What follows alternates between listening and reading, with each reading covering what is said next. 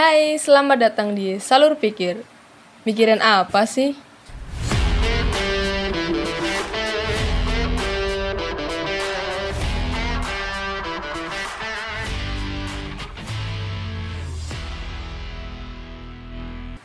Yeay, di sini udah ada aku Nia. Dan di sini aku nggak sendirian. Kali ini aku ditemenin sama teman-temanku, teman-teman kecil namanya Mbak Farah dan Mbak Vira. Kali ini kita bakalan ngobrolin hal-hal yang penting, gak penting, tapi dipikirin. Tentunya berdasarkan perspektif dan pengalaman kita ya. Nah, kita langsung mulai aja deh. Gimana Mbak Vira dan Mbak Farah kabarnya? Hai, baik nih aku. Halo Nia, alhamdulillah baik nih aku sehat-sehat. Alhamdulillah aku hari ini merasa cukup dan bahagia Cukup oke baik. karena ini juga eh, berdekatan dengan hari ulang tahun aku. Eh, nambah tua ya. Gimana puasanya? Aman-aman, lancar. Eh, aku udah mokel sih. Udah berapa hari biar? Mokel karena musafir waktu kemarin di Banyuwangi. Maunya, tapi karena aku bertamasya dengan ustadz, jadi eh, niat mokelku itu aku batalin. Enggak. Pentingnya berkumpul ustadz begitu mungkin ya. Mm-mm, bener karena emang karena emang kata orang itu kalau kamu ingin jadi orang beriman eh kalau kamu ingin jadi orang yang solihah lingkupilah lingkungan kalian dengan orang yang beriman Wadaw. Mantap. Oke oke. Oke, langsung aja. Akhir-akhir ini lagi mikirin apa sih, Mbak? Lagi mikirin sesuatu mungkin yang mengganggu di kepala beberapa malam. aku dulu nih Farah atau kamu nih Hmm, kamu dulu deh biar. kalau aku ada sedikit kolektif cerita yang banget bikin aku overthinking yang pertama jadi beberapa bulan yang lalu beberapa minggu yang lalu aku tuh excited sama IISMA sebuah program mas program beasiswa exchange ke luar negeri dapat fully funded 12 juta nah sebelum itu aku udah tes Duolingo kayak sertifikasi bahasa Inggris. Bayarnya itu kalian tahu nggak berapa? 450. betul bang 750 uang aku tuh ke, kebuang. Could not be certified dua kali bayangin. Wow. could not be certified could not be certified itu karena emang kesalahan teknis. Dan deadline-nya itu tanggal 12 April sehingga aku tidak bisa daftar ISMA padahal ini tuh tahun terakhir aku bisa berkesempatan ikut ISMA gitu. Sementara temenku seperjuangan dia lolos. Wah, itu. Dan kita itu sama-sama berangkat bikin paspor bareng kita belajar tes bahasa Inggris bareng gitu. Sepanjang malam sebelum hasil tes Duolingo tuh keluar aku selalu nggak bisa tidur. Bener-bener aku tuh baru kali ini aku ngerasa nggak bisa tidur yang 24 jam nggak tidur tuh aku ngerasain. Jadi kepala tuh cenut cenut cenut gitu. Itu gangguan tidur. Kedua ketika aku mau mel- itu yang pertama ya hal yang pertama yang bikin hal yang aku pikirin. Yang sampai saat ini aku pun belajar mengikhlaskan gitu. Mantap. terus yang kedua ini ada hal yang ingin aku lepaskan. Kalau tadi bedanya tadi ingin aku kejar sekarang ingin aku lepaskan. Yaitu eh, aku ingin melepaskan dari sebuah rutinitas aku yang menurut aku aku udah gak ada ruang di situ. Iya, iya. gitu. Siap, siap. meskipun tempat ekosistem di situ dibilang keren. Karena jenjangnya tuh jenjangnya yang sangat amat tinggi gitu. Dan itu kursi yang aku jabatan yang aku dudukin sekarang itu banyak diperbutin oleh orang-orang. Ya. tapi sialnya ketika aku mau melepas sesuatu ada hal-hal yang membuat aku susah untuk melepasnya karena ada oknum yang ngehold aku tapi tanpa ada effort untuk em, Memberi ruang. memberi ruang seperti itu Beri kesempatan berkembang. iya betul padahal di situ aku udah ngerasa stuck tidak bisa bertumbuh meskipun dulu aku menganggap itu sebagai learning space aku gitu Kita geser ke Mbak Farah.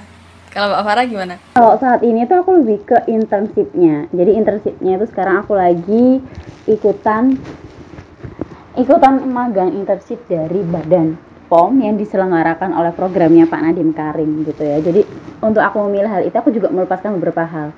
Yang pertama organisasi. Hmm. Kita udah organisasi, katakanlah organisasi A. ya. Aku udah eh, ngikut sejak 2016 tiba-tiba dan itu berjenjang ya tingkatan satu, tingkatan dua. Dan ada peluang untuk aku naik ke tingkatan tiga, aku tidak mengambilnya. Hmm. Sangat menjadi bahan obrolan.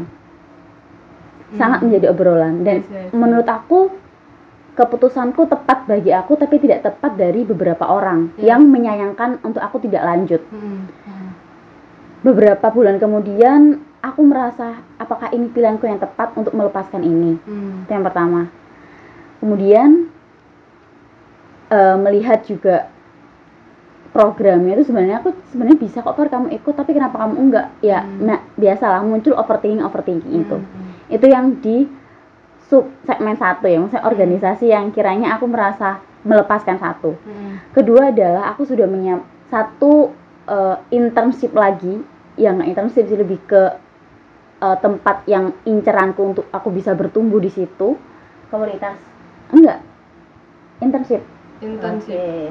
Jurnalistik sih, Fir. Nah, katakan jurnalistik. oke Ya, suatu platform, suatu bentuk eh, wadah jurnalistik. ini kamu gak cerita aku sih Sama kamu kok itu. next Nah, habis itu aku udah aku udah menyiapin motivation letter, aku udah ngikutin sekolah kepenulisannya itu. oh Tiba-tiba aku nggak daftar. Sedangkan administrasi itu udah aku lewati gitu loh. Hmm. Kenapa nggak daftar? Karena tiba-tiba aku keterima di internship ini gitu kan. Oh.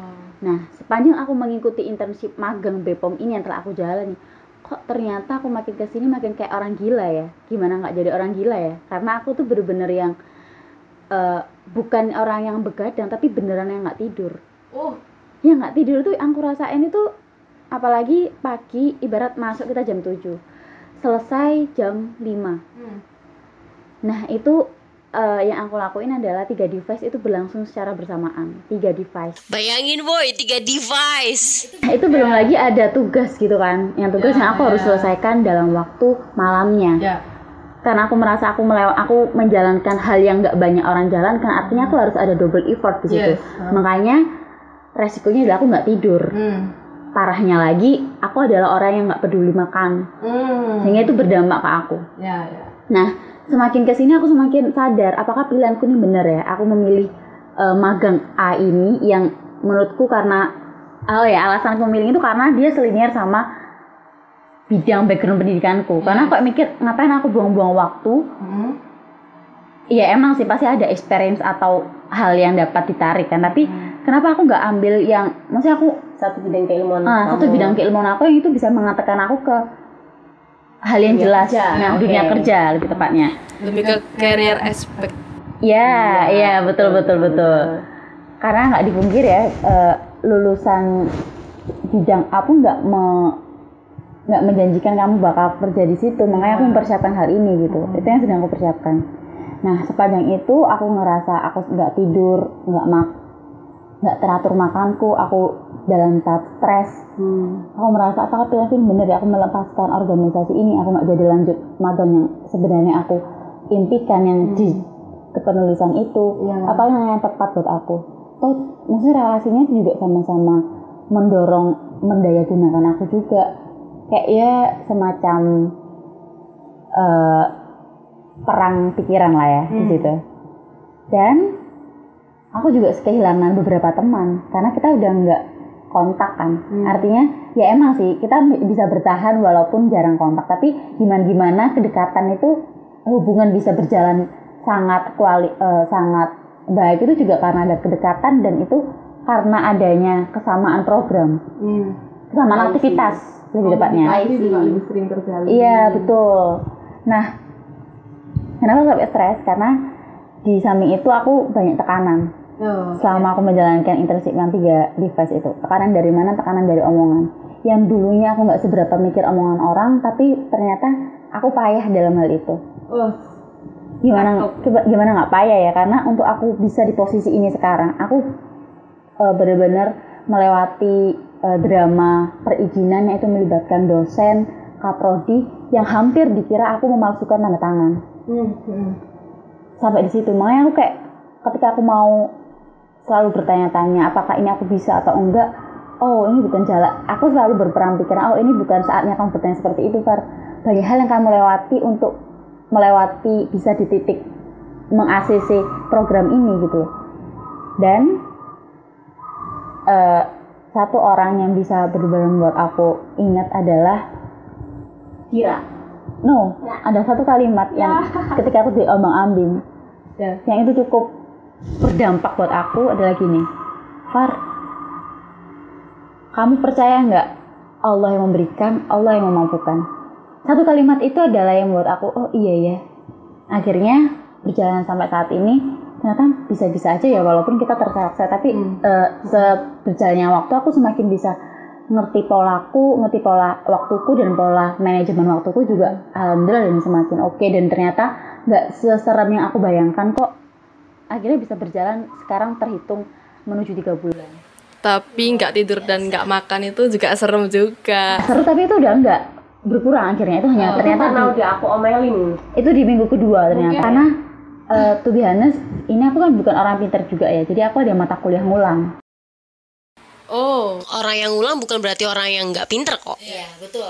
karena barangkali ada kesalahan teknis atau mungkin eh, pengajar yang memberikan nilai sedikit bisa seperti itu. Ini aku mikir kalau Far kamu terlalu berani loh mengambil. Maksudnya kamu adalah mata kuliah ngulang artinya orang yang nggak banyak lakukan yang seharusnya orang hanya fokus ke semester 6 aja tapi kamu mengulang di semester 2 artinya kamu perlu baik space waktu untuk meluangkan belajar itu kan tapi kamu malah mengambil hal yang luar ya. Mungkin karena dirasa butuh. Iya. Dan satunya adalah harus. iya betul betul Jadi- harus sepakat Kadang kita bisa memprioritaskan antara harus atau butuh gitu kan. Iya, Tapi di saat bersamaan mereka datang. Iya, Iya. Aku juga punya cerita yang agak relate sih sama pengalaman kalian berdua. ah gimana tuh nggak dalam waktu dekat-dekat ini cuman ini pengalaman aku waktu pendaftaran beasiswa kuliah. Eh, dua tahun yang lalu ya bun ya? Yang lalu. Jadi eh, awalnya tuh aku nggak pernah tahu kan kampus yang mau aku daftarin ini. Nggak pernah tahu kalau ternyata oh ada ya kampus ini gitu. Terus aku tuh kayak eh, berburu info-info beasiswa dari Instagram website gitu. Terus akhirnya nemulah eh, salah satu program beasiswa dari salah satu perusahaan swasta. Yang bergengsi di Surabaya. Bahkan mungkin bisa dibilang nasional ya kayak salah satunya ada salah satu bagian perusahaan itu eh, stasiun televisi. Iya iya iya. Terus ya aku coba lah coba-coba kayak ya siapa tahu rezeki gitu kan. Terus coba ikut tes mulai dari tahap satu tes eh, kayak TPA dan sebagainya. Terus lanjut ternyata dikasih kesempatan untuk lanjut ke tes berkas seleksi berkas. Terus nggak nyangka juga ternyata bisa dikasih kesempatan buat tes wawancara di Jakarta waktu itu. Dan itu sangat-sangat kaget karena nggak pernah ngebayangkan kalau datang kesempatan itu. Terus di saat udah sangat yakin sama effort yang udah dilakukan terus pengorbanan-pengorbanan yang udah dilakukan nggak cuma pengorbanan aku tapi pengorbanan orang tua tentunya. Terus ada drama-dramanya juga.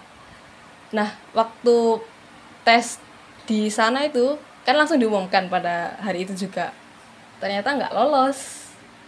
Dan eh, itu cukup membuat aku terpukul karena kayak baru pertama kali ini aku mengeluarkan effort yang sangat besar tapi hasilnya nggak berbanding nggak berbanding lurus sama hasil yang aku dapat. Lebih-lebih aku ngerasa kasihan eh, nggak enak sama orang tuaku karena mereka udah meluangkan biaya juga kan untuk berangkat ke sana terus waktu ya dan sebagainya lah gitu.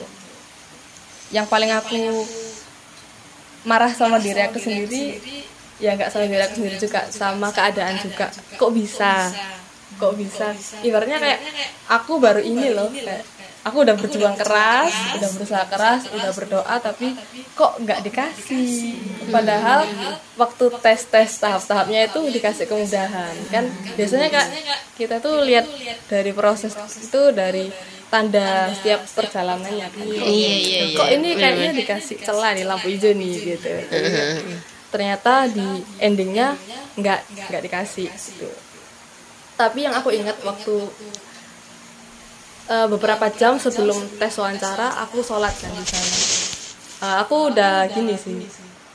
Kalau ya Allah kalau misalnya apa ya apa pun hasilnya nanti insya Allah aku bakalan terima dengan ikhlas tapi kalau bisa ya hasilnya sesuai apa yang aku inginkan ya kan tuh waktu ada pengumuman gak lolos ya tentu sangat kecewa. Terus beberapa hari setelah pulang dari tes itu muncul kan kayak tawaran-tawaran perguruan tinggi yang lain terus ada juga PTN gitu-gitu.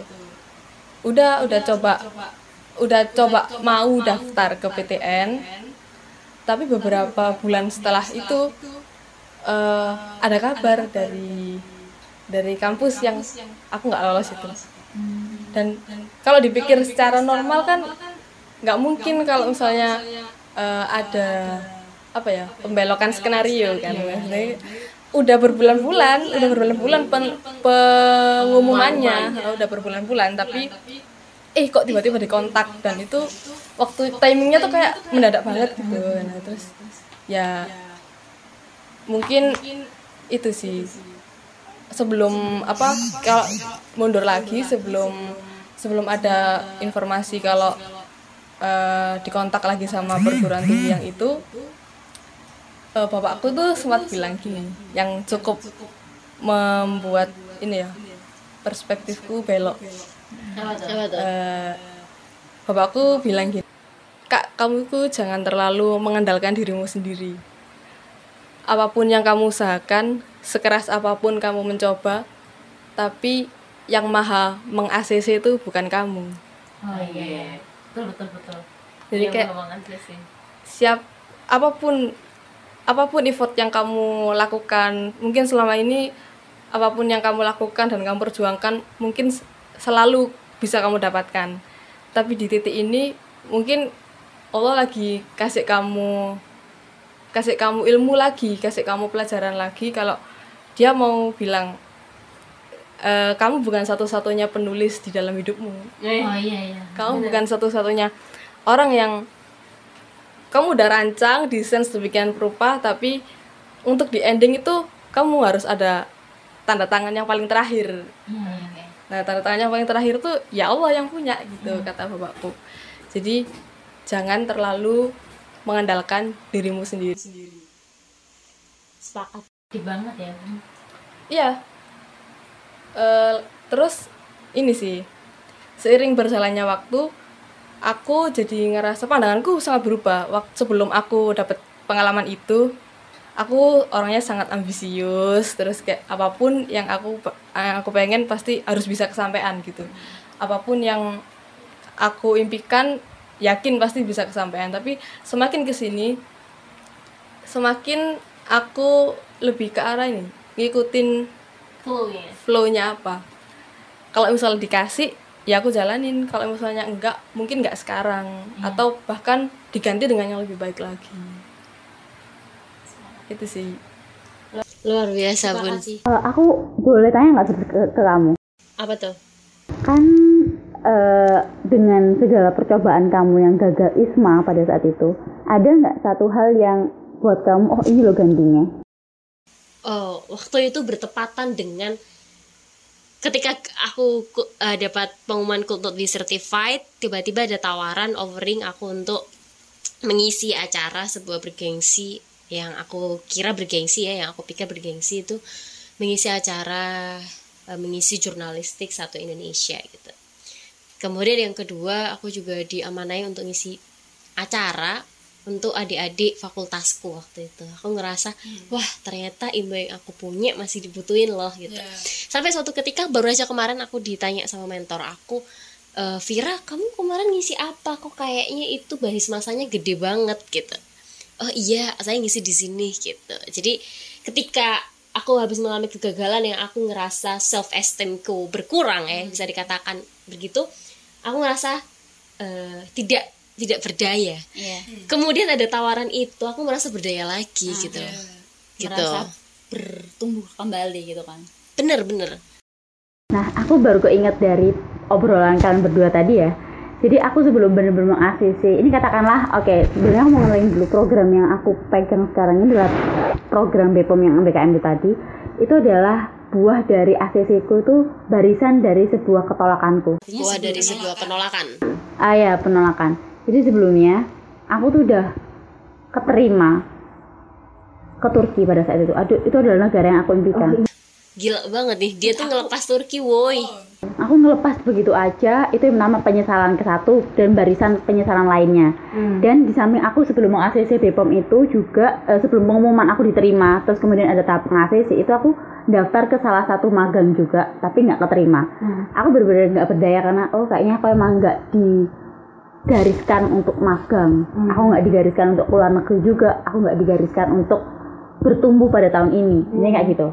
Ternyata tiba-tiba BPOM muncul selamat Anda diterima waktu ACC tersisa dua hari. Nah untuk ACC pun aku juga bimbang kan abang ambing pada maksudnya abang ambingku tuh pada saat itu antara aku meng ACC dan enggak dengan banyaknya hal yang pernah aku tolak dan aku skip Men- mengingat aku juga kesulitan dalam perizinan dosen kemudian mamaku juga agak eh, ragu ya melepaskan aku karena di situ adalah tulisannya penempat harus bersedia penempatan di mana pun termasuk Sulawesi pokoknya seluruh Indonesia. Dan aku dan aku ini adalah eh FYI aja ya. Aku adalah tergolong an- nominasi anak yang eh dari tiga bersaudara aku sindrom dalan ar- alias kesasaran jadi itulah salah satu alasan mengapa mamaku kayak agak kesulitan untuk melepaskan aku Oke, sindrom dalan kosakata baru guys. iya sindrom dalan itu adalah nyedak sindrom ya. Iya. Itu sindrom ada yang lain. itu adalah julukan dari saudaraku guys terus akhirnya mama aku bilang dok kalau memang terus gini mamaku meng ACC goalnya cuma dari sampean aku bilang gitu Iya. aku udah kehalang dosen aku cuma minta izin sampean kalau misal mama udah nggak ngizin aku nggak apa-apa. Tapi kalau mama ngizin aku dan ngerelain ngikhlasin aku keluar Surabaya. keluar Surabaya aku bakal lakuin. Lu landu tapi mama yo khawatir. Tapi emang iki kesempatanmu dan gak iso diraih di tempat mana pun mama ikhlas wis gak apa-apa nduk. Pengalaman. The first time mamaku benar-benar ngasih aku kesempatan untuk keluar rumah. Karena Wow. aku adalah orang yang tiga dari tiga bersaudara anak yang gak pernah rantau Wow.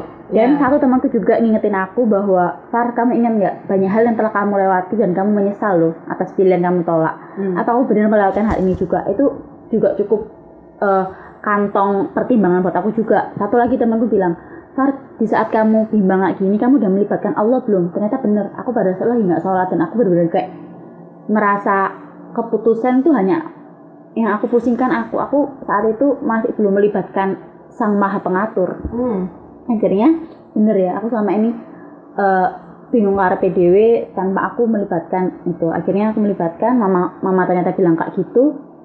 Dan detik, detik itu juga aku meng-ACC webnya detik itu juga aku mau follow up dosenku ternyata dosenku memaafkan detik itu juga aku mengurus segala administrasi ke bank JM ke rektorat dan lain-lain. Dan ternyata alhamdulillah dalam satu hari aku dipermudah urusannya sudah selesai semua administrasinya. Wah, sangat-sangat cukup mengajarkan kita bahwa kalau yang di atas itu udah ACC, iya. nggak ada kata buat nggak, betul betul betul banget nggak ada kata buat nggak. Walaupun di tengah jalan kita berjalan terseot-seot, iya. Terseot-seot.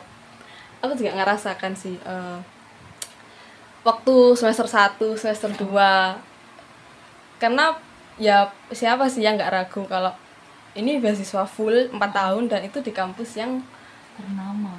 Terbergengsi banget di kampus yang buk- ya cukup bergengsi dan eh, atas. kelas atas gitu. Siapa gue gitu masuk ke circle yang seperti itu gitu kan. waktu semester 1 semester semester awal lah pokoknya. Kayak sering banget bertanya-tanya eh, bisa nggak ya aku lanjut sampai semester akhir terus eh, mengingat kesulitannya sangat sangat berat tugasnya seperti ini drama dengan orang tua juga sering gitu kan. Karena mungkin aku nggak sepenuhnya menyalahkan orang tua ya. Karena mungkin orang tuaku juga kaget karena pertama kali punya anak yang kuliah gitu kan. Per- baru ngerti polanya orang kuliah tuh kayak gini. Padahal sebelumnya aku juga sempat waktu mau daftar kuliah itu aku udah sempat bilang bu kayaknya like, misal aku kuliah bakalan sering banget sibuk dan nggak koyok bien nggak seperti dulu. Kesibukannya udah beda lagi gitu. Ya waktu itu bilang dibolehin cuman ya kita kan nggak tahu di tengah jalan kayak gimana problem yang dihadapi gitu. Ya itu. Berjalan terseot-seot terus kembali lagi mempertanyakan diri sendiri bener nggak sih ini buat aku? Bener nggak sih pilihan ini tepat kadang kan aku takut kalau misalnya aku menerima itu karena ego. Terus ada orang bilang bahwa apa yang baik buat kamu eh apa yang kamu perjuangkan belum tentu baik buat kamu. Tapi apa yang kamu nggak suka itu buat kamu. Gitu kan itu juga cukup jadi pertimbangan yang bergulat hebat di dalam Iya. kepala. Akhirnya berkontemplasi dan menikmati bagaimana tuh ya itu itu nanti kita bahas di nanti aja. Jadi topik kali ini tuh lebih ke bergulat sama pikirannya masing-masing ya. ya bergulat bersama pikiran masing-masing. Eh, mungkin habis ini kita loncat deh topiknya ke ngomongin umur nih. Aduh, aduh. ngomongin umur. Usia kalian udah masuk berapa? Kata orang itu quarter life crisis yang kita alamin sekarang ya di umur umur seperempat abad ini. Aku tepat kepala dua. Woi, 22, eh 20, 21 21 sebenarnya sama sih. Kita sebenarnya seumuran cuman beda bulan aja gitu kan. Oh iya iya. jadi gimana nih? Cerita-cerita tentang memasuki usia kepala dua prosesnya gimana ada nggak perubahan-perubahan yang dialami mungkin nggak perubahan besar tapi kecil tapi kerasa ada nggak Siapa dulu nih Fir? Kau deh. Eh, usia ini ya, peralihan usia ini perubahan pertama aku nggak nge-repost termasuk perubahan nggak sih? Aku nggak nge-repost eh, ucapan-ucapan orang tapi cukup menjadi refleksi banget buat aku. Kenapa nggak nge-repost? Karena aku cuma aku juga sekaligus ngetes sih. Kayak siapa sih orang-orang yang inget? Karena emang ucapan tuh nggak apa ya? eh, emang sepele tapi I'm aku banyak berterima kasih sama orang yang inget gitu loh. Juga kedua juga menjadi eh, pertanyaan tanda tanya besar ke aku juga karena dulu aku pernah berpikir bahwa aku di angka kepala dua aku harus nggak merepotkan orang tua ya harus mandiri secara finansial aku harus bisa berdiri di kaki aku sendiri. Dan di kepala dua ini pertanyaan itu kembali muncul. Sar apakah hal yang kamu rencanakan kemarin apakah sudah? Apa kamu masih merepotkan orang tua? Apa kamu udah bisa mandiri? Mandiri dalam banyak hal ya? Jadi kayak usia ini tuh perubahannya lebih ke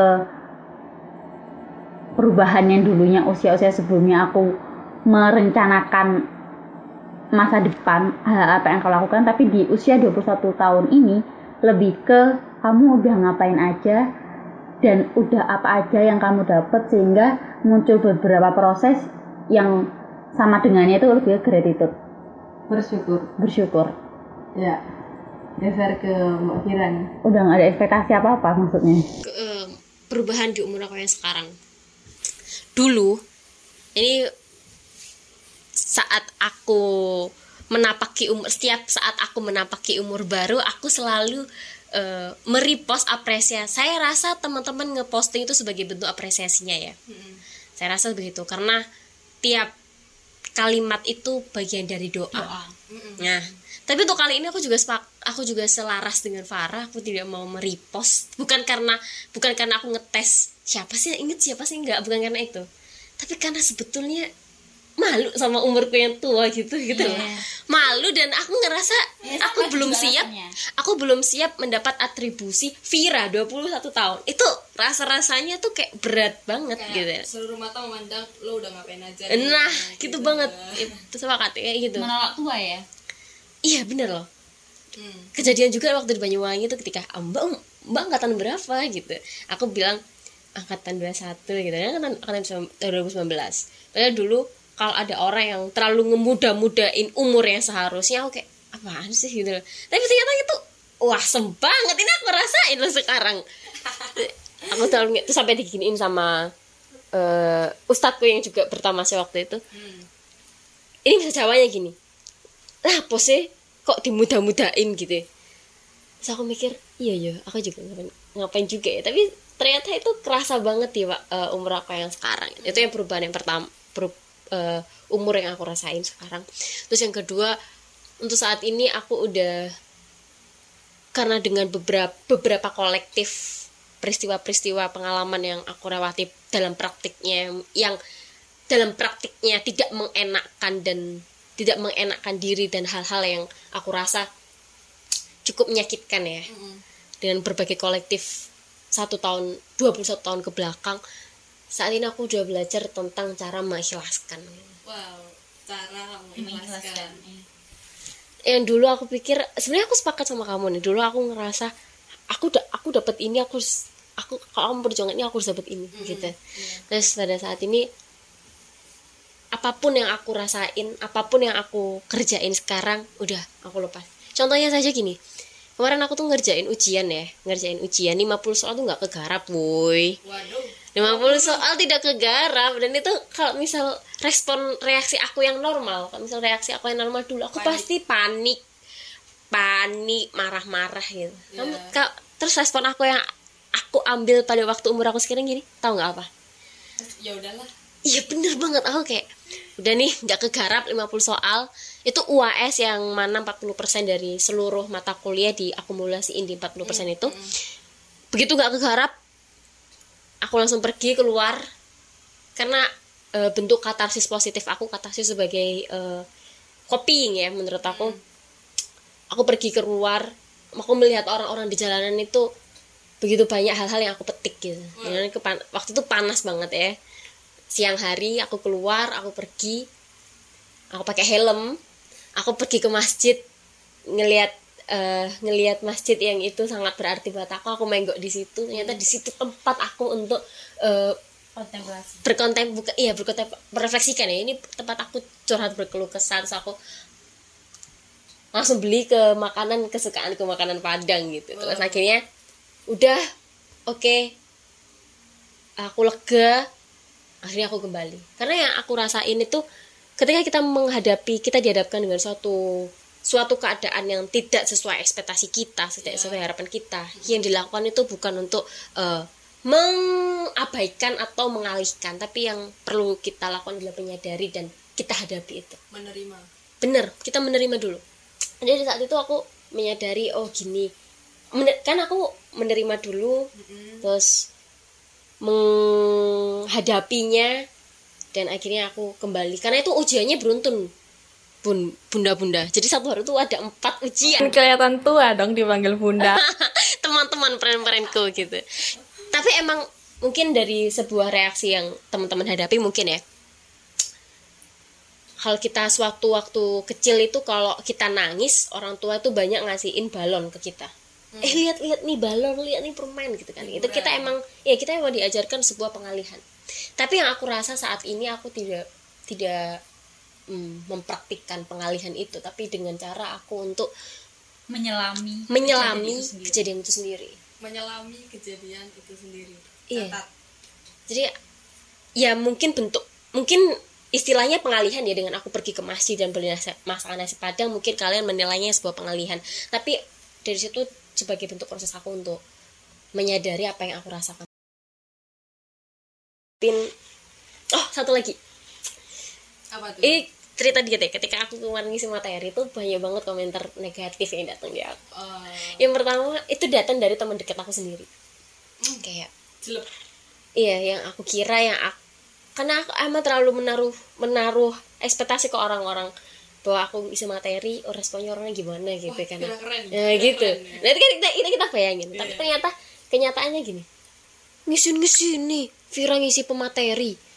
Mosok ngisi pemateri edit manner yang nggak ada sama sekali gitu. Yang pertama. Manner.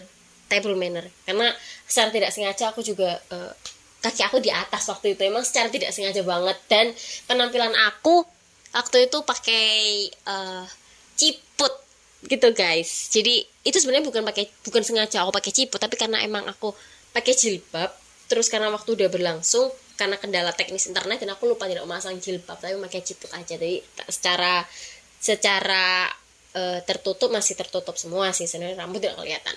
Tapi karena pakai ciput yang dirasa teman-teman aku mengganggu. Ya emang.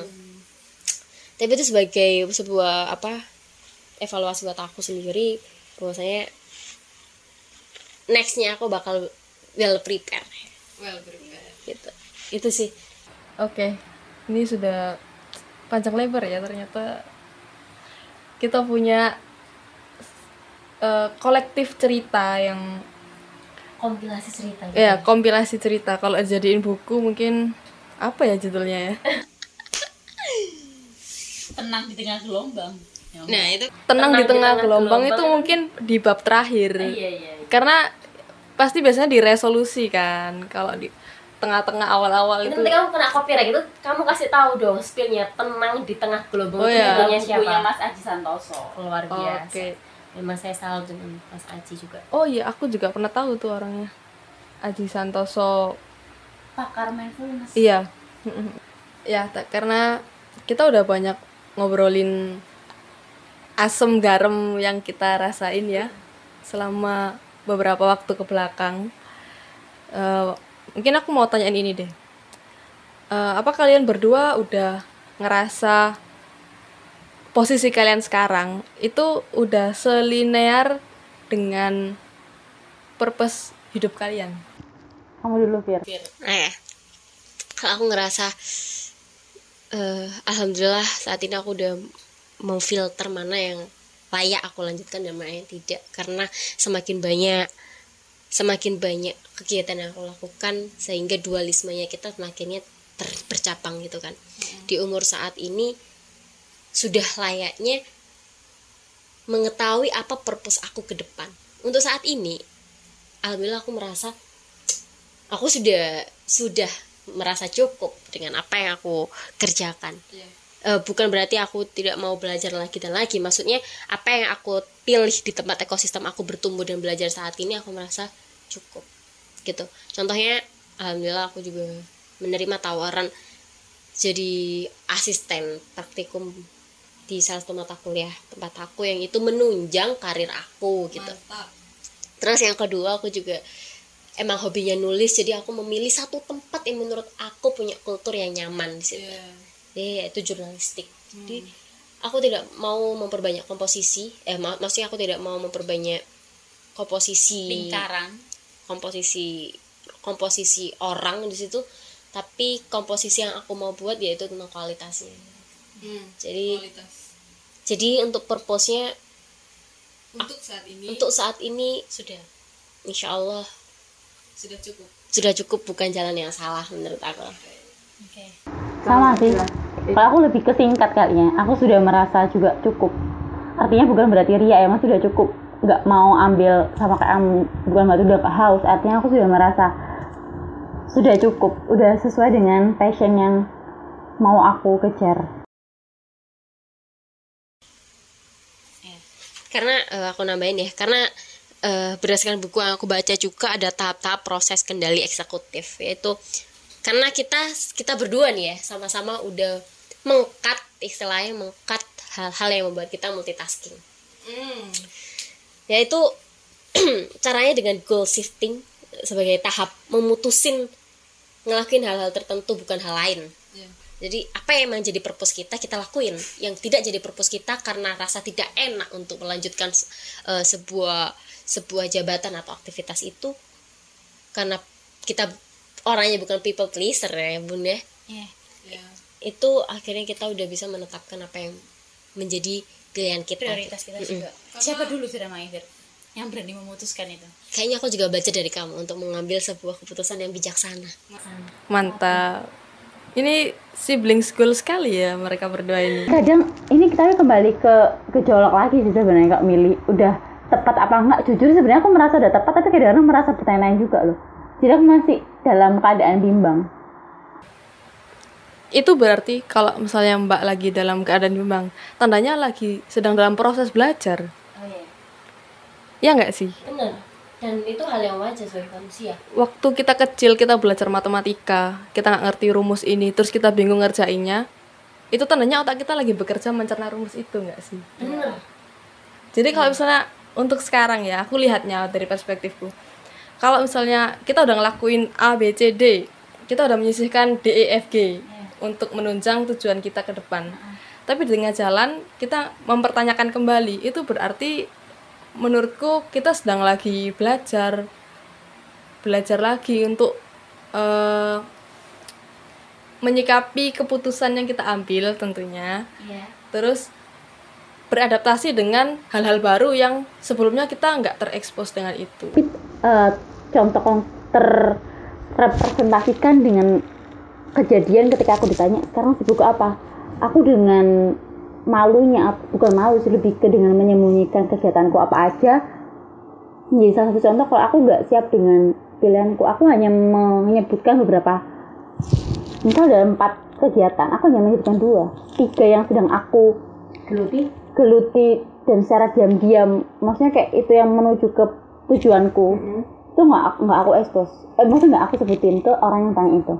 Itu sebagai hal otoritas kamu Iya. jadi nggak selalu orang tahu apa yang kamu lakukan nah jadi orang tuh mikirnya ketika aku udah melepaskan banyak hal jelas kok itu gawamu maknya netok gitu ya karena kita kembali lagi kita tidak bisa mengendalikan omongan orang lain. Tapi kita punya kendali untuk memproses itu. Iya betul. Karena aku takutnya nggak kepengen punya orang punya ekspektasi lebih juga gitu loh. Benar. Diekspektasiin orang itu berat banget guys eh menarik juga nih kata peneliti juga beberapa peneliti ini kan tentang multitasking ya kita udah sedikit mereduce ya multitasking. Beberapa peneliti juga mengungkap bahwa multitasking itu dapat mengurangi produktivitas sebanyak 40% Iya.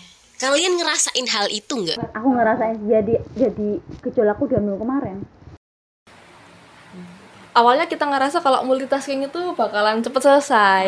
Karena oh kita bisa ngerjain banyak hal dalam satu waktu. Tapi ternyata secara kualitas enggak. Justru kayak pikiran yang bercabang terus tenaga yang sangat terbagi-bagi. Jelas-jelas nggak kasih satu perhatian di satu hal. Hasilnya nggak bagus ternyata. Oke eh, mungkin dari sepanjang perbincangan kita aku pengen merangkum nih merangkum bahwa ini kan juga eh, obrolan ini kan tentang refleksi kita selama 20 tahun hidup 20 tahun hidup. Jadi aku pengen merangkum eh, yang pertama mungkin nanti Mbak Farah sama Mbak Vira bisa nambahin ya rangkumannya. Yang pertama belajar ikhlas itu nggak segampang membaca buku agama waktu SD iya betul betul. Kita mungkin tahu sama yang namanya ikhlas tapi nggak kenal. Iya. Sekedar tahu aja oh itu namanya ikhlas tapi kita nggak kenal. Apa sih ikhlas itu sebenarnya? Gitu. terus eh, pelajaran yang bisa aku ambil juga eh, sekeras apa pun kita mencoba sebesar apa pun effort yang kita berikan kalau misalnya kita nggak juga berhasil di bidang yang kita mau atau di impian yang kita mau itu bukan berarti kita kurang usaha tapi kurang pasrah. Hmm, kurang pasrah ha. Kurang Karena pasrah. prerogatif yang lebih Ya, hak prerogatif. Ya karena the power of pasrah itu ternyata sebesar itu. Aku baru belajar itu di umur umur 19 20 tuh. Terus apa lagi nih kalau dari kalian? Tentang cara multitasking. Multitasking. Bahwa eh, kalau mengutip kata Robert Robert eh, sorry Helen Keller itu saya ingat waktu itu dia mengungkap bahwa I long to finish big and noble work but my main task is to finish small work as if it were big and noble work. Artinya saya rindu menyelesaikan pekerjaan besar dan mulia tapi tugas utama saya adalah untuk menyelesaikan pekerjaan kecil seakan-akan itu pekerjaan besar dan mulia. Ya seperti yang kita bahas tadi bahwa multitasking tidak selama-lamanya bagus. Dan bahkan itu bisa eh, menghadapkan kita dengan burnout gitu. Kesibukan-kesibukan yang nggak seharusnya kita rasakan. Bener itu. Jadi pentingnya untuk penting pentingnya kita untuk mengekspresikan apa yang perlu kita lakuin gitu. Oke kalau mbak Farah gimana? Karena sorry sorry aku mau ngomongin. Karena kalau eh, waktu waktu itu adalah momentum yang kita ciptakan sendiri. Waktu itu? Adalah momentum yang kita ciptakan sendiri. Momentum apa yang ingin ingin kita ukir gitu kan. Jadi sebaik-baiknya waktu itu kita itu sebagai hak hak istimewa diri kita sendiri gitu loh tanpa harus ada perasaan tidak enak dan lain-lain. Multitasking tidak sama lamanya baik. Gitu. oke. Oke. Cakep. Ara gimana? Sama kok. Masa sama sih? Oke, emang kembar ya. Semoga pendengar sekalian tidak bingung suara-suaranya. suaranya suaranya mungkin yang paling suaranya seperti radio rusak adalah suara saya mungkin. Oh enggak dong. Untuk eh, menutup obrolan kita kali ini aku pengen ini masing-masing dari kita sebutin tiga hal yang perlu diapresiasi dan disyukuri dari hidup kita selama 21 tahun ini dan tiga hal yang masih perlu dibenahi terutama ke habit kita ya. Tuh. Oke, yang pertama aku ya, tiga hal yang aku syukuri. Pertama, aku alhamdulillah punya keluarga yang lengkap dan sehat. ya Orang tua dan kakek nenek dari kedua orang tua empat itu masih ada. hmm. Hal yang perlu sangat aku syukuri. Kedua, aku bersyukur masih diberi kepercayaan oleh bapak ibu dosen untuk ikutan dalam proyeknya. Nggak cuma satu dosen tapi beberapa dosen. Ketiga adalah aku bersyukur bisa dikasih kesempatan untuk kuliah di Universitas Erlangga jurusan gizi dengan kesempatan magang itu. Dan yang perlu aku perbaiki adalah menjaga kebersihan. ya Kedua adalah eh, menjaga kebersihan termasuk mandi dua kali ya, maaf teman-teman. Kedua adalah ngomongin bad habit dong tapi kan gini semakin kita besar eh, semakin gimana kita bisa jujur sama kebiasaan yang mungkin nggak enak sebelumnya didengar. Tapi kita berani akuin itu berarti kita mau ini nih udah merangkul udah merangkul eh, ini ini adalah kebiasaan buruk aku tapi ya nggak bisa diterusin ini harus diperbaiki gitu. Makanya satu tahun lebih baik gitu ya. iya. Terus sama aku kepengen banget bisa uh, memenuhi logistik rumah termasuk dalam hal uh, kebersihan rumah atau segala hal yang berurusan dengan urusan domestik ya? Uh, urusan domestik berjalannya aktivitas di rumah artinya kayak bersih bersih iya iya hal apa pun cuci piring, cuci Iya. baju, nyapu, ngepel, yang mana itu lebih banyak meskipun udah gede lebih banyak dilakukan oleh mama. Itu menurutku aku harus perlu memperbaiki itu harus membackup hal itu. iya iya. Dan yang ketiga adalah eh, yang perlu aku perbaiki belajar arah jalan. belajar arah jalan sepertinya kita punya concern yang sama tukang sasar nih saya juga tadi. Sama oh ya, kalau kata mau di Ayunda YouTube-nya yang itu juga cukup refleksi buat aku. Maaf ya ini empat jadinya ya. Itu aku kepengen banget bisa bangun jam 5 dan di dua jam setelah jam 5 itu adalah waktu berkualitas. Itu yang pengen aku eh jadikan kebiasaan. kualitasnya kayak gimana tuh Jadi kalau ajarannya mau di Ayunda itu 30 menit pertama kamu kamu ngelakuin hal olahraga misal. Terus 20 menit pertama selanjutnya kamu ngapain? Itu adalah uh, powernya di situ untuk bisa membuktikan bahwa satu harimu ke depan adalah satu hari yang baik. baik dan produktif dan berkualitas. Jadi poinnya adalah dibangun jam 5. Itu maksimal gitu. Oke next. Eh, belum. Oh udah ya hal yang perlu dibenahi? Oh udah udah. Next geser ke mbak Vira Tiga hal yang perlu direfleksikan selama hidup 20 apresiasi dulu Oh diapresiasi dulu. Tiga hal yang perlu di Perlu apresiasi selama 21 tahun. Yang pertama Aku sangat amat bangga bisa Dengan ada di saat ini sama kalian tuh udah bangga itu aku apresiasi banget. Seriously. Terus yang ke istinya artinya aku sangat amat sangat bersyukur di lingkungan lingkungan yang sangat sangat mendukung yang kedua aku masih diberikan kesehatan yang luar biasa karena menurut aku kesehatan itu cukup mahal. Karena aku juga pernah merasain bagaimana rasanya sakit berhanya berbaring di rumah sakit yang itu di titik terendah aku. Itu yang pertama. Jadi yang kedua lingkungan yang support kesehatan. Dan yang ketiga bisa memaksimalkan anugerah yang Allah berikan ke aku termasuk otak aku. Bagaimana caranya aku bisa memaksimalkan otak otak ter, apa pun overall termasuk tenaga waktu bagaimana kita bisa eh, memaksimalkan otak itu kan artinya bisa eh, meng apa ya istilahnya itu melingkupi. Gitu ya. Bisa mem- memaksimalkan daya daya otak kemampuan otak kita untuk melakukan hal-hal yang menurut kita itu produktif gitu. Dan bermanfaat. Dan bermanfaat tentunya orang lain buat juga. orang lain buat diri kita dan orang lain. Diri kita dan orang lain. Itu terus hal-hal hal-hal yang masih dibenahi yang perlu dibenahi. hal-hal yang ini termasuk wish aku juga ya boleh nggak aku sebut? Yang pertama hal-hal yang aku bena, ingin aku benahin aku pengen yang pertama banget aku pengen bisa adjust di setiap posisi di setiap keadaan yang tidak mengenakan diri aku. Supaya aku tidak terlalu eh, mendekam lama-lama dengan kesedihan. Karena kurun waktu aku kalau sedih itu bisa satu sampai dua hari gitu. Kalau setiap ada penolakan sebenarnya aku udah pasrah. Eh, apresiasi yang pertama. Aku pengen bisa nyetir truk. Waduh.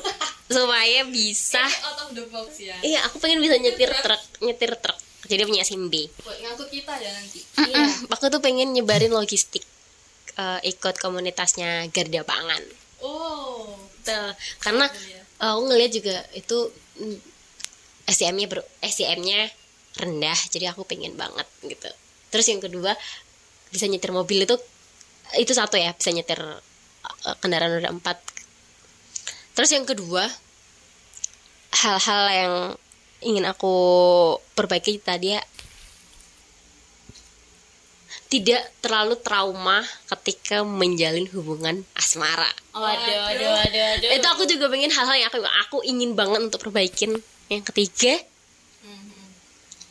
aku bisa menata urusan domestik termasuk menata meja makan. Urusan dapur itu luar biasa loh ternyata sebegitu kompleksnya. Dan sangat melelahkan. Sangat melelahkan. Bagaimana ketika makanan tidak habis bagaimana kita caranya mengolah dan tidak membuang. Itu itu sebenarnya hal-hal yang remeh remeh di mana tapi Mm-mm. skillnya tuh nggak bisa di- nggak bisa dipunya untuk semua orang termasuk gizi aja kesulitan. ah masalah gizi itu yang bisa tuh orang eh, sesepuh sesepuh senior senior kita ya termasuk eh, generasi X kalau dikatakan generasi X adalah generasi kelahiran 93 sampai oh, sorry 8, 19 80-an sampai 90-an gitu dia yang pandai jadi termasuk nenek dan ibu kita gitu. itu ngaruhnya impactnya ke lingkungan? Bener banget.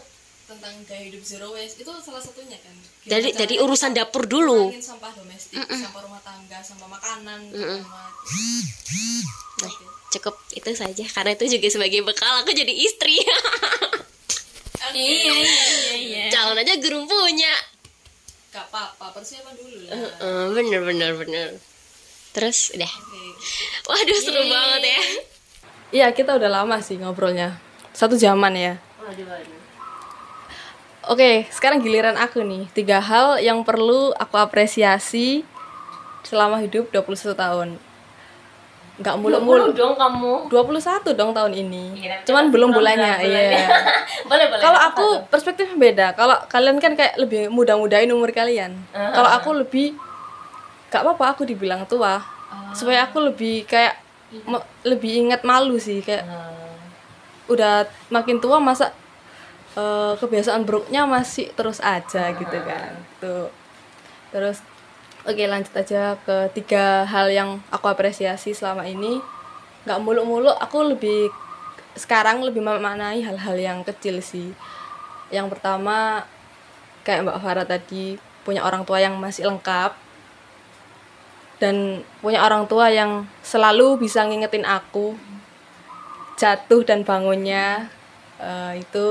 Terus sometimes juga selalu mendukung aku walaupun adalah beberapa perbedaan pendapat dan itu udah biasa lah dalam keluarga. Terus yang kedua eh, aku sudah mulai berani untuk mm, berhubungan dengan orang yang baru di mana aku kan sangat introvert dan dulu punya kepahitan waktu kecil nggak diterima di suatu lingkungan pertemanan dan itu membuat aku sangat-sangat eh, nggak berani untuk nyoba berkenalan dengan orang baru. Jadinya aku kayak udah nyaman sama teman yang ini ya udah ini aja gitu.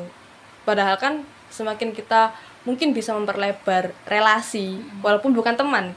Sekarang udah bisa membedakan relasi dengan teman gitu untuk memperlebar relasi itu sangat perlu ternyata. Karena kan kita nggak tahu rezeki memang Allah yang ngatur tapi lewat tangan siapa itu bakalan sampai ke kita gitu kan. Aku udah mulai bisa walaupun belum bisa-bisa banget tapi udah mulai mencoba untuk berani gitu. Terus yang ketiga eh, yang perlu aku syukuri adalah aku sangat bersyukur bahwa banyak hal baik yang dititipin Allah ke aku banyak hal baik yang udah aku capai. Mungkin teman-teman yang lain belum tapi aku udah gitu. Ya aku mungkin nggak bisa nyebutkan karena itu bakalan panjang banget ini nanti gitu kan.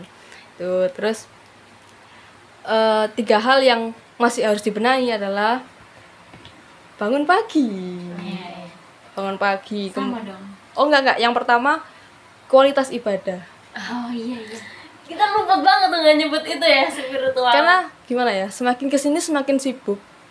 Aku ngerasa kayak ya memang jiwanya eh raganya sholat raganya beribadah udah mulai mempelajari eh, memperdalam agama cuman em, kurang mindful gitu. Jadi kayak aku rindu masa-masa SMP di mana kita kayak kesibukannya lebih banyak di masjid ya kan? Terus masa-masa sekolah gitu dan kesibukannya nggak terlalu kompleks. Jadi rasanya ibadah itu jadi kalau anak-anak sekarang ya aku juga anak sekarang sih itu bilangnya healing. Oh iya iya. kalau sekarang kurang mindful waktu ibadah ya itu harus aku perbaiki sesegera mungkin.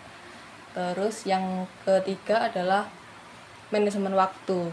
Dan eh, manajemen waktu bisa sampai ke yang tadi ngatur waktu gimana caranya kita bisa imbang antara ngerjain kesibukan kita sebagai mahasiswa sebagai anak dan mungkin sebagai diri kita sendiri. Gitu. terutama kalau sebagai anak kan kita harus bisa bantu-bantu pekerjaan domestik dan itu sangat struggle banget. Bahkan sering banyak drama di rumah karena ya kesibukan kita kadang menyepelekan kesibukan domestik padahal itu capek sekali kan orang yang mengerjakan eh, ibu kita yang mengerjakan itu itu capek sekali. Dan aku udah pernah nyoba selama liburan kuliah satu bulan full. Aku nggak ambil kegiatan apa-apa. Full aku eh, terjun di pekerjaan rumah. Uh mulai pagi sampai walaupun aku udah bangunnya lebih pagi dari biasanya tidurnya tetap sama. Dan itu pekerjaannya juga nggak kelar-kelar. Kayak gitu. Itu sih kalau dari aku. Luar biasa ya. Dia setidaknya mengingatkan kita bahwa kita itu yang sering kita luput tadi kita nggak nyebutin tentang hal-hal nilai spiritual yaitu kita hanya beragama tapi tidak berislam Waduh, waduh, waduh, waduh. Hmm, ini istilah baru nih, beragama tapi tidak berislam. Dan rasanya ini cukup ya buat kita menyelami diri sendiri. Ternyata semakin dikorek, semakin dikorek banyak sekali ketidakberdayaan kita. Iya, betul. Ketidakberdayaan kita untuk melakukan hal-hal yang mungkin orang lihat, wah dia keren banget nih udah bisa ini ini ini ini gitu. Tapi mereka nggak tahu lukanya kita di mana, boroknya kita di mana, babrasnya kita di mana, gitu kan. Oke, mungkin next time kita bakalan ngobrol lebih banyak lagi tentang macam-macam. Ya kita masih punya banyak sih eh, concern masing-masing, gitu kan. Mungkin itu aja guys yang bisa kita bagikan untuk saat ini. Terima kasih buat kalian yang udah meluangkan waktu untuk mendengarkan obrolan kita ini. Ya walaupun mungkin ada yang penting atau yang enggak, ada yang enggak. Tapi setidaknya mungkin kita pernah berada di fase yang sama, kita bisa sama-sama belajar dengan cerita yang kita bagikan ini. Oh iya, gini ya, kita udah ngobrol banyak hal, tapi kita belum tentuin judul nih. biasanya kan kita nentuin judulnya waktu editing tapi aku pengen ini eksklusif karena ini kita refleksi kita. Pengen nentuin judul. Apa nih kira-kira yang cocok buat kita? Berani berbenah. berani berbenah. Gimana? Sepakat? Sepakat dong. Ih keren banget tuh. Berani berbenah. kalau aku kurang sepakat sih. Apa tuh? Eh, belajar berbenah. Iya. Benar-benar kalau berani kita seakan-akan merasa berani belum belajar ya. Eh, eh. berani itu masih tahap persiapan. Kalau belajar Kita ya, proses. udah dalam proses. Eh, eh, belajar. Karena kita udah mau menerima eh, sisi-sisi buruk kita ya kan? Jadi kita harus belajar. Belajar berbenah. Oke. Hashtag. Oleh karena itu kita akan putuskan judul podcast kita kali ini. Belajar belajar berbenah. Yeay! Biasa. Eh. oke see you guys See you. Thank you.